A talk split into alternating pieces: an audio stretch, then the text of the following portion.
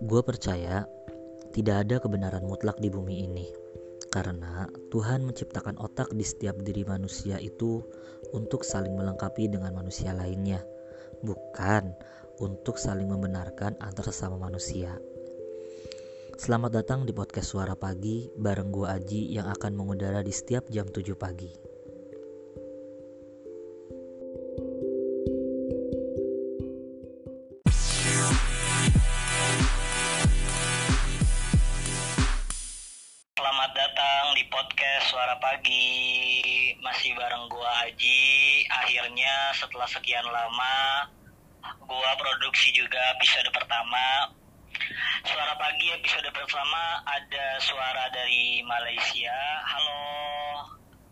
Halo Aji. Dengan siapa? Oke, nama gue Ahmad Aufa. Pang- bisa dipanggil Aufa. Gue mahasiswa Political Science di International Islamic University Malaysia. Oke jadi Ova ini teman lama gua pengen gue pengen bagi-bagi cerita aja sih pengen bareng cerita bareng gitu tentang banyak hal yang kita alami bersama di masa pandemi ini gitulah pak ya. Iya. nah gini nih pak gue tuh sebenarnya lagi resah gitu. Jadi sedikit cerita aja nih pak. Eh, bikin podcast ini tuh sebenarnya berawal dari keresahan gue yang merasa nggak sih selama pandemi ini kayak akhirnya kita sadar bahwa manusia itu makhluk sosial yang benar-benar nggak bisa kalau nggak ketemu orang gitu nggak bisa kalau nggak interaksi sama orang gitu Hmm, bener banget. Walaupun gue juga sebenarnya gue introvert sih, cuma eh, ngerasa kayak gini juga kayak ah, apa? Gue juga stres juga gitu lama-lama kalau lu apa mendem diri di kamar doang gitu. Iya, maksudnya kayak yang kayak lu aja gitu, apalagi gue yang setiap harinya pasti ketemu banyak orang gitu kan. Dan eh, ini dalam waktu gue udah hampir sebulan lebih karantina yang ketemunya cuman anak keluarga doang gitu. Ngerasa akhirnya sampai berada di titik jenuh sejenuh-jenuhnya gitu, sampai HP itu udah nggak ada harga dirinya gitu mau buat mau biasanya kan kalau kita bosen gitu bosen nugas bosen dengan lingkungan gitu lah biasanya HP gitu. Kalau entah YouTube lah entah ngegame dan sebagainya gitu kan. Sampai HP udah nggak ada harga dirinya gitu HP sampai gue matiin udah saking bosennya juga gitu. Hmm. lu ngerasa kayak gitu juga gak sih? Eh kalau gua gue lebih ke ini sih kayak gue kebetulan orangnya suka nonton. Jadi gue Iya. lebih eh, ngisi waktu luang gue kebanyakan nonton. Dan jujur gue juga eh, di masa kayak gini gue nggak seproduktif itu. Eh, bahkan dibilang produktif aja juga enggak gitu Hmm, hmm, hmm. Nah, dari situ tuh akhirnya gue apa ya? Apa ya yang bisa gue lakuin ini akhirnya bisa membuat sebuah kepuasan gitu. Percuma kalau semisal produktif tapi kayak nggak ada kepuasan diri menurut gue ini hal yang menyiksa diri sendiri juga sih. Terlalu banyak kegiatan di kondisi yang kayak gini gitu kan. Hmm, gue rasa semua orang di dunia ini pasti ngerasain kepanikan yang sama gitu. Iya. Seorang ekstrovert apa pun seorang yang sebodoh amat apa pun mereka punya kepanikan yang sama. Mungkin mereka yang membedakan adalah mengimplementasikannya gitu kan lah ya. Iya iya nah makanya gue pengen diskusi nih. Kan lu eh, maksudnya kita sama-sama anak kuliahan gitu kan. Cuman Hmm. bedanya kalau semisal gue kuliah di Indonesia lu kuliah di luar Indonesia gitu. Hmm, ya kan? Nah dari situ akhirnya kan gue mikir kita kan berada di letak geografis yang berbeda gitu kan. Nah gue juga butuh gitu sudut pandang dari orang yang berada di letak geografis yang berbeda dengan gue gitu. Gue kayaknya lagi bosen aja gitu ngobrol sama eh, teman-teman yang sesama mahasiswa di Indonesia gitu yang pembahasan pembahasan tentang covid ini ya ya udah stakran di situ nggak ada Iya. perspektif baru yang gue butuh pelajari itu gitu hmm. Nah kira-kira dari lu sendiri gimana sih pandangan lu terkait COVID-19 ini khususnya yang berada di negara kita ya? Hmm, oke. Jadi eh, pandangan gue ya tentang yang sekarang terjadi itu menurut gue gimana ya? Mungkin gue bisa bilang penanganan sih, penanganan eh, di Indonesia itu menurut gue kurang.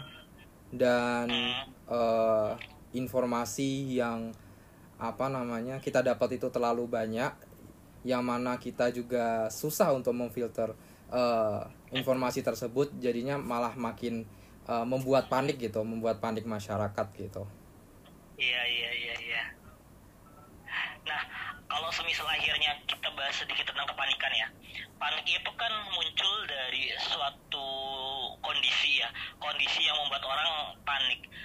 Kondisi yang membuat orang panik itu kan berasal dari sebuah informasi yang diproduksi dan distribusikan kepada halayak gitulah ya. Mm-mm. Nah, menurut lu gimana sih? Apakah arus informasi kita yang ada di Indonesia ini udah stabil belum sih? Maksudnya udah stabil belum atau mungkin dibandingin dengan lo yang lo rasain gitu di Malaysia gitu? eh gimana ya? Jadi gini, kalau gue melihat informasi itu eh, di Indonesia khususnya kayak eh, kadang tuh kita kita kan eh, ada di dunia yang sekarang ini di masa yang eh, media itu bener-bener di mana-mana gitu. Kita eh, sangat dekat lah dengan media. Lah karena kita sangat dekat dengan media tersebut, maka informasi yang kita dapatkan itu banyak banget. Eh, bahkan kita sampai apa namanya eh, sampai nggak bisa memfilter informasi tersebut gitu. Padahal untuk memfilter informasi itu kayak perlu banget, penting banget gitu. Kayak semisal eh, awal-awal COVID-19 di luar negeri yang sudah terdampak seperti di Cina, eh, pemerintah Indonesia khususnya eh, menteri kita Dr. Terawan kayak eh, denial tentang eh, ada denial tentang apa namanya publikasi yang eh, itu dipublikasikan oleh Harvard gitu. Jadi kayak ada eh, ahli Harvard yang bilang kalau di Indonesia itu nggak mungkin kalau nggak ada satu satu pun orang yang terkena corona gitu. Dan itu kan di denial sama eh, Dr. Terawan dengan dalih bahwa di Indonesia ini kan juga apa namanya eh, mungkin dia bilang kalau eh, iklim dan lain sebagainya gitu dan menurut gue itu kayak penting banget gitu buat masyarakat kita tuh paham bahwa eh, sebenarnya walaupun eh, informasi itu datang dari seseorang yang memiliki kapabilitas atau apa bis yang tanda kutip mungkin bisa dipercaya masyarakat gitu. Seorang menteri kan. Tapi kita harus balik lagi bahwa eh, kita tuh harus memilah-milah. Kayak semisal eh, bagaimana sih eh, apakah apa eh, yang diucapkan oleh menteri kita itu sama dengan yang diucapkan oleh eh, ahli-ahli yang di luar negeri gitu. Jadi kita kayak walaupun itu eh, sudah kita sudah mendapatkan informasi dari seseorang yang mem- memiliki kualifikasi dan kredibilitas, kita tetap harus uh, mengkomparnya dengan informasi-informasi yang tersebar di tersebar luas di luar gitu. Berarti eh, kalau semisal nih kalau kayak gitu kan berarti bisa kita asumsikan bahwa PR dari Indonesia adalah bagaimana public figure ini menjaga ritme informasi itu sendiri lah ya. Mm, Dan menurut gue juga masyarakatnya sendiri, bagaimana masyarakat Indonesia Ya. ini kayak eh, apa namanya memfilter informasi tersebut dan sebagai kayak informasi tersebut tuh sebagai apa fully informed gitu. Iya iya iya. Akhirnya eh, hukum timbal balik dan apa ya tanda kutip bakal bisa sukses kalau kalau semisal adanya namanya tengah kerjasama antara pemerintah dan masyarakat gitu. Pemerintahnya mencoba untuk mengatur ritme informasinya dari segi masyarakat pun juga melek terhadap hal-hal yang eh, informasi yang penting mana yang nggak mana karena Hmm. nggak bisa dinafikan juga ya maksudnya kayak eh, orang-orang yang nyebarin hoax masih banyak terus Hmm. kayak manfaatin ini untuk sebagai ajang clickbait di media di Bener, di bener, akun-akun digital gitu dan masyarakat Iya. ki- ya dan masyarakat kita tuh eh, sering kayak cuma baca eh, setengah doang gitu atau mungkin cuma baca jadi judulnya doang gitu. Jadi kayak mereka kayak partially informed. Jadi kalau menurut gue lo harus bener-bener baca bahkan lo nggak nggak bisa cuma baca satu informasi doang.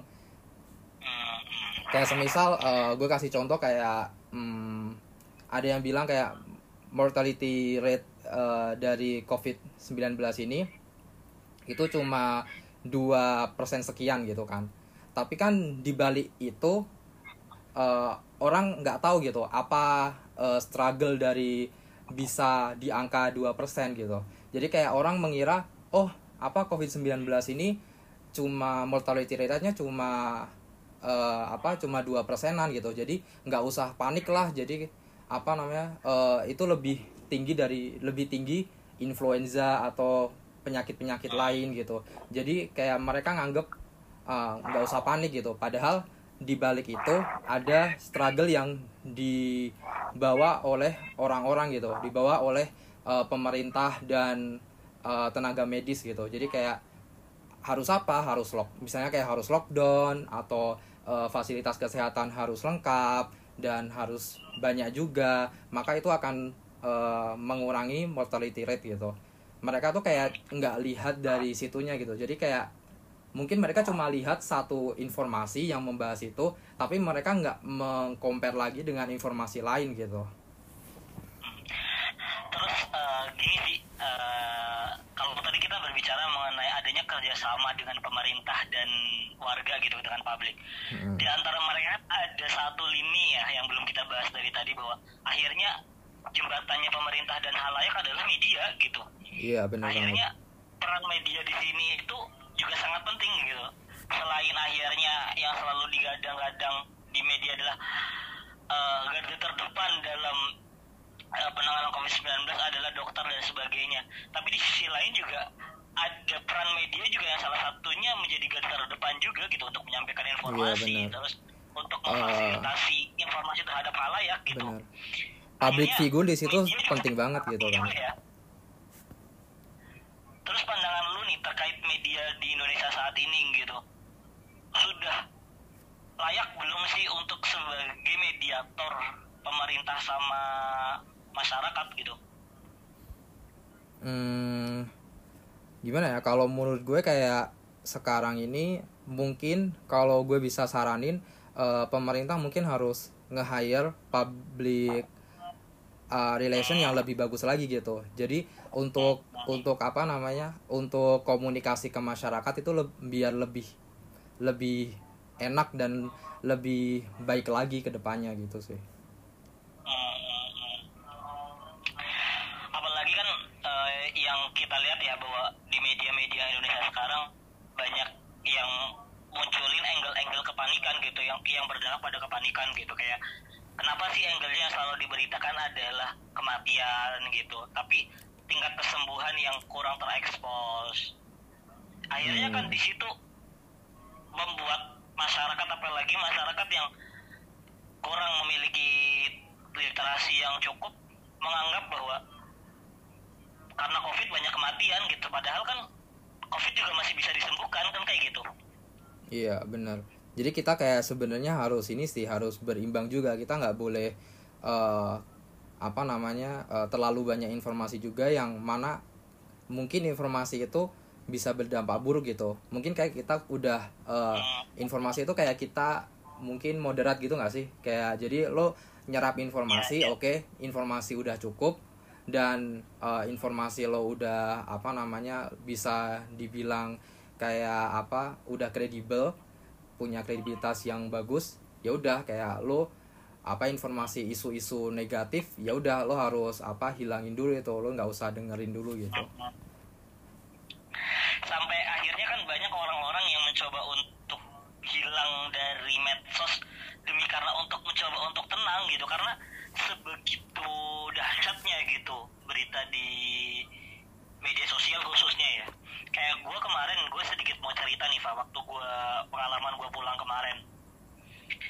Jadi dalam perjalanan gue dari rantau ke rumah gue itu mematikan handphone. Karena apa ya dampak banget dengan kepanikan gue apalagi dalam perjalanan. Yang akhirnya ketika banyak rasa panik yang muncul di diri gue gitu kan. Apalagi waktu gue pulang itu masih gencar-gencarnya banget masih kayak lagi hangat-hangatnya banget lah awal-awal lah corona itu kan tingkat kepanikannya masih lebih tinggi daripada sekarang ya. Sampai segitunya yang gue lakuin dan yang gue rasain gitu. Akhirnya gue bisa menyimpulkan media sosial memiliki peran besar ya dalam mengubah sikap masyarakat gitu. Iya bener banget. Nah eh, kalau semisal kita udah tahu kayak gini nih kira-kira apa sih yang bisa kita lakuin gitu sebagai kayak eh, rakyat biasa gitu kita sebagai rakyat biasa yang kira-kira apa sih yang bisa kita lakukan di kondisi kayak gini agar mencoba untuk membantu membersihkan informasi yang beredar di halayak gitu Hmm. Kalau mood gue sih, yang tadi gue bilang kayak eh, informasi, informasi itu lo harus saring dulu gitu. Jadi lo dapat eh, informasi itu apa namanya, lo dapat informasi yang udah punya kre- kredibilitas yang bagus dan itu berasal dari beberapa sumber terpercaya gitu. Habis itu lo juga jangan terlalu panik. Kadang kan orang eh, terlalu panik juga. Kadang juga saat lo di masa-masa kayak gini itu juga saat lo apa namanya kayak lo lihat eh, YouTube atau lo lihat eh, story orang-orang yang mana mereka mungkin bisa dibilang produktif banget gitu saat pandemi kayak gini kayak habis itu lo kayak apa ngerasa eh, khawatir gitu kayak lo nggak bisa produk seproduktif itu atau lo ngerasa bahwa lo tuh kayak kurang produktif atau kayak gimana lah itu tuh menurut gue tuh eh, mental health juga salah satu yang paling penting gitu. Jadi kayak gimana lu eh, enggak apa namanya enggak terlalu khawatir juga tentang isu ini juga. Lu harus tahu gimana eh, lu meng apa namanya eh, mengatur agar mental health itu masih bagus gitu terus kalau semisal nih, tadi kan kita sering banget ya ngebahas tentang Indonesia. Kalau semisal dari yang lu rasain sendiri nih di Malaysia, kira-kira gimana sih kondisi di sana gitu dari arus informasinya, terus tingkat kepanikan masyarakatnya gitu. Terus kalau semisal dibandingin dengan Indonesia tuh, kira-kira apa sih yang Indonesia harus perbaiki gitu? Hmm, sebenarnya gue kurang paham juga sih yang di Indonesia itu kayak gimana. Cuma kalau eh, di Malaysia ini, eh, kebetulan di Malaysia ini eh, kita ada pemerintahan baru, jadi eh, perdana menteri Malaysia baru. Tapi eh, menurut gue kayak di Malaysia ini eh, pemerintah juga sangat ini ya sangat apa namanya sangat suportif juga saat pandemi kayak gini. Jadi kayak eh, mereka ngasih policy yang bagus juga gitu kayak mereka ngasih apa namanya eh, restriction movement order habis itu mereka juga ngasih bantuan juga ke mahasiswa mahasiswa Malaysia juga kayak mereka nggak diberi bantuan sekitar 200 ringgit per eh, mahasiswa. Itu tapi khusus mahasiswa Malaysia bukan mahasiswa internasional. Jadi terus eh, informasi juga ini sangat terbuka gitu. Apa namanya?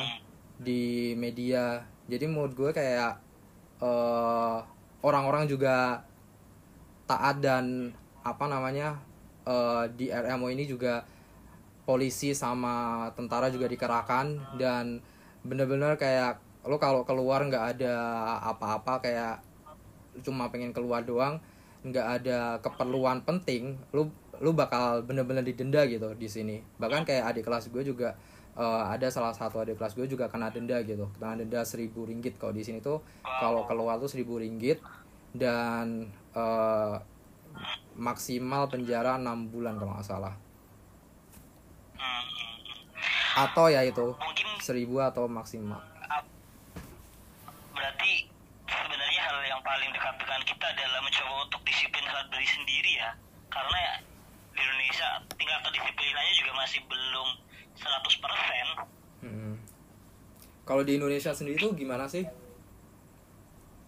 Kalau di Indonesia itu kalau yang lo tahu ya sekarang kita udah PSBB ya. Hmm. banyak daerah-daerah yang udah nerapin eh, PSBB PSBB itu artinya adalah pembatasan sosial berskala besar ya gue agak lupa emang.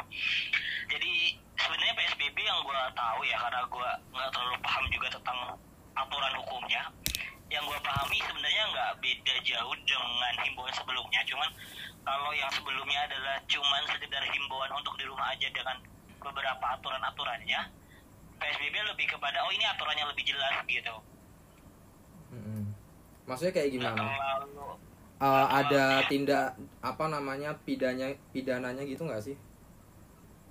Ada aturannya lebih jelas yang gue tau itu kayak gitu doang. Kayak polisi udah mulai dikerahkan. Kalau dulu kan masih jarang banget ya polisi udah mulai dikerahkan. Terus kayak angkatan angkatan yang lain juga udah mulai mencoba untuk ditertibkan. Terus ada beberapa regulasi-regulasi yang lebih ketat gitu ya. Cuman kayak gitu doang gitu. Tapi mobilisasi massa masih ada gitu.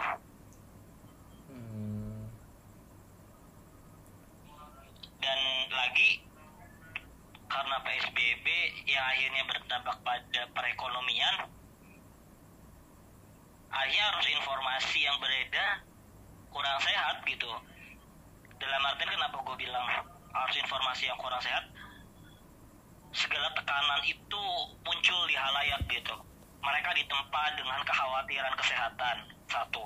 Yang kedua mereka sudah apa ya yang gue bilang bahwa setiap orang punya kepanikannya masing-masing gitu. Setiap orang pasti punya kepanikannya masing-masing. Ditambah lagi dengan kepanikan ekonomi gitu yang mungkin beberapa orang yang mengalami gitu. Mm-mm. yang mereka nggak bisa apa namanya mereka nggak bisa kerja work from home gitu kan. Benar benar benar. lah kalau mereka iya orang-orang yang buruh harian gitu kan. Ditambah lagi mereka ditempa dengan tekanan informasi yang terlalu menjeritkan gitu. Akhirnya apa ya fungsi media sebagai penenang menurutku masih belum terrealisasi dengan baik sih. Benar benar sampai akhirnya pusat informasi ataupun ketersediaan informasi yang disediakan oleh pemerintah tertutupi oleh arus informasi yang dilakukan oleh media gitu. Kayak gitu sih kalau di Indonesia. Jadi eh ya mungkin kita harus sama-sama disiplin aja sih saling apa ya saling mengingatkan diri sendiri saling mengingatkan sesama gitulah ya. Iya. Nah, eh, mau lanjut nanya lagi nih. Harapannya apa sih yang mau kalau semisal nih lu diberi kesempatan untuk berbicara terhadap Indonesia gitu. Kira-kira apa sih harapan yang pengen lu harapkan ke Indonesia di kondisi kayak gini gitu? Khususnya di pemerintahannya ya. Eh, oke sebelumnya gue unqualified banget buat ngomong eh, harapan gitu kayak sebenarnya kan masih banyak banget ahli-ahli yang eh, bisa ngasih saran gitu cuma kalau menurut gue sendiri eh, apa yang telah dilakukan pemerintah tentang COVID-19 itu menurut gue terlalu terlambat sih. Kalau menurut gue sendiri ya pribadi gue- menurut gue terlalu apa sudah terlambat. Dan sekarang itu waktunya kayak pemerintah tuh benar-benar harus tegas untuk eh, apa namanya untuk mengurangi atau flatten eh, apa namanya kurvanya itu biar eh, semuanya tuh kembali normal gitu. Kayak semisal eh, dan gue juga kemarin eh, sempat baca-baca juga tentang eh, dana yang digelontarkan oleh pemerintah gitu. Itu kalau nggak salah 400 triliun rupiah. Yang mana itu cuma 2 2 sampai 3 persen dari total GDP pemerintah gitu. Total GDP Indonesia.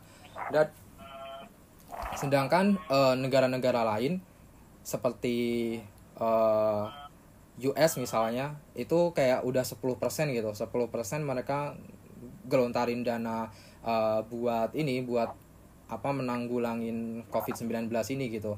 Dan eh apa lagi ya? Dan di eh dan Singapura juga Singapura 12% jadi kalau menurut gue kayak cuma 2 sampai 3% itu menurut gue kurang banget.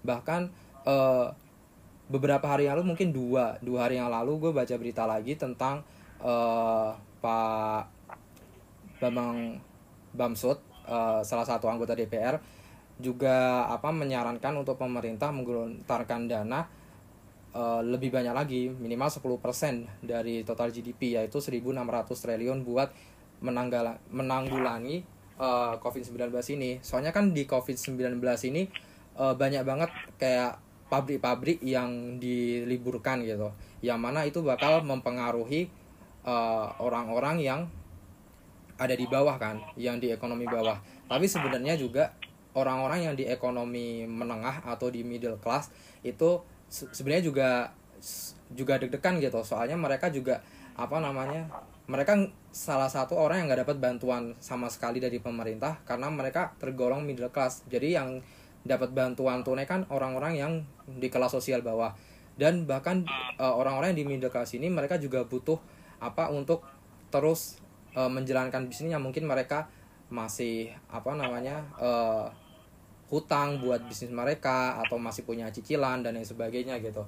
Dan bahkan uh, kalau kita lihat di forum ekonomi World Economic Forum uh, tahun lalu bahwa Indonesia ini kalau mau menjadi negara dengan uh, apa namanya upper middle class maka salah satunya yaitu um, memperbanyak memperbanyak uh, orang-orang untuk bisa naik ke middle class gitu. Jadi sekarang tuh kayak menurut gue uh, pemerintah tuh ya pemerintah bakal pusing banget bakal struggle struggle banget tentang gimana mereka uh, apa namanya mereka uh, memperbaiki yang ada di bawah mereka tetap menyelamatkan yang ada di bawah tapi juga mereka menyelamatkan juga yang ada di tengah gitu. Iya, iya, iya, Dan bahkan uh, yang di sekarang ini kalau study case-nya di US, uh, gue baca-baca dari 500 ribu orang yang nganggur di US, jadi pengangguran di US itu uh, sebelum ada wabah corona ini, pandemi ini, itu sekitar 500 ribu orang. Dan sekarang udah lebih dari 3 juta orang. Jadi kayak naik lima kali lipat lebih gitu. Dan di Indonesia di Indonesia pun juga gitu gitu. Dan uh, kalau dan di US pun mereka ngasih uh, apa namanya bantuan buat apa buat memperbaiki di masa sekarang ini dengan menggunakan menggelontarkan dana sebesar 10% dari GDP mereka. Jadi kalau menurut gue kayak uh, kalau bisa pemerintah lebih ini sih lebih apa namanya uh, lebih bijak lagi lebih lebih paham lagi gitu gimana mereka menyelamatkan kalangan bawah dan juga middle class segala lini ya berarti dari segi atas tengah sampai bawah emang harus dipikirkan karena semua punya tingkat resikonya masing-masing gitu iya ya. bener-bener Cuma mungkin nah, uh, prioritas utama tuh yang bawah dan tengah sih. Iya sih, oke okay, oke. Okay. Nah, Eva, untuk terakhir nih, gua di setiap segmennya pengen ada kayak pesan gitu untuk pendengar suara podcast suara pagi.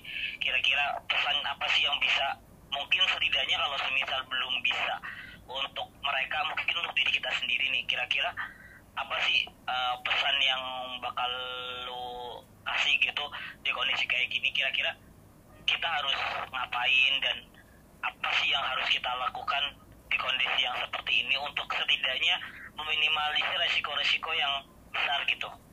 Hmm, Oke, okay. kalau gue sendiri uh, informasi, jadi satu lo harus uh, benar-benar cari informasi dan lo harus benar-benar memfilter informasi tersebut. Jadi kayak lo benar-benar harus uh, mendapatkan informasi itu nggak setengah-setengah. Jadi kayak uh, fully informed gitu. Dan uh, kalau menurut gue pribadi mental health itu salah satu yang paling utama. Jadi kalau mungkin lo uh, mungkin banyak banget di lo lihat story teman-teman lo kayak uh, mereka posting mungkin apa namanya kerja atau mereka tetap posting kayak uh, apa namanya mereka tetap belajar. Bahkan jujur temen gue ada juga yang mereka dia bilang kalau dia dalam sehari cuma tidur 4 jam gitu. Kayak dia produktif banget gitu dalam sehari.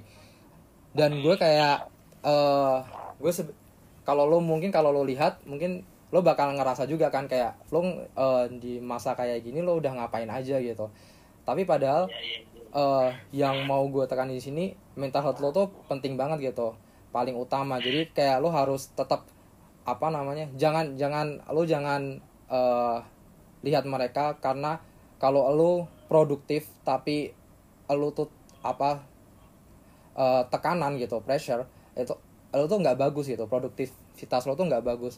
Bahkan eh, yang apa namanya yang komod gue kayak nggak apa-apa kalau di masa-masa sekarang lo mungkin banyak tekanan atau hal yang lain ya udah kayak lo tuh ya udah kayak lo tuh jalanin aja gitu jalanin dan eh, yang penting lo harus tetap stabilkan mental health lo Wah menarik banget. Berarti kayak akhirnya kita sadar bahwa produktif itu bukan seberapa banyak kegiatan yang kita lakuin gitu, atau Hmm. seberapa banyak eh, hal yang kita lakukan selama sehari gitu. Tapi bagaimana seberapa maksimalnya kegiatan tersebut dalam dampak di diri kita gitulah ya.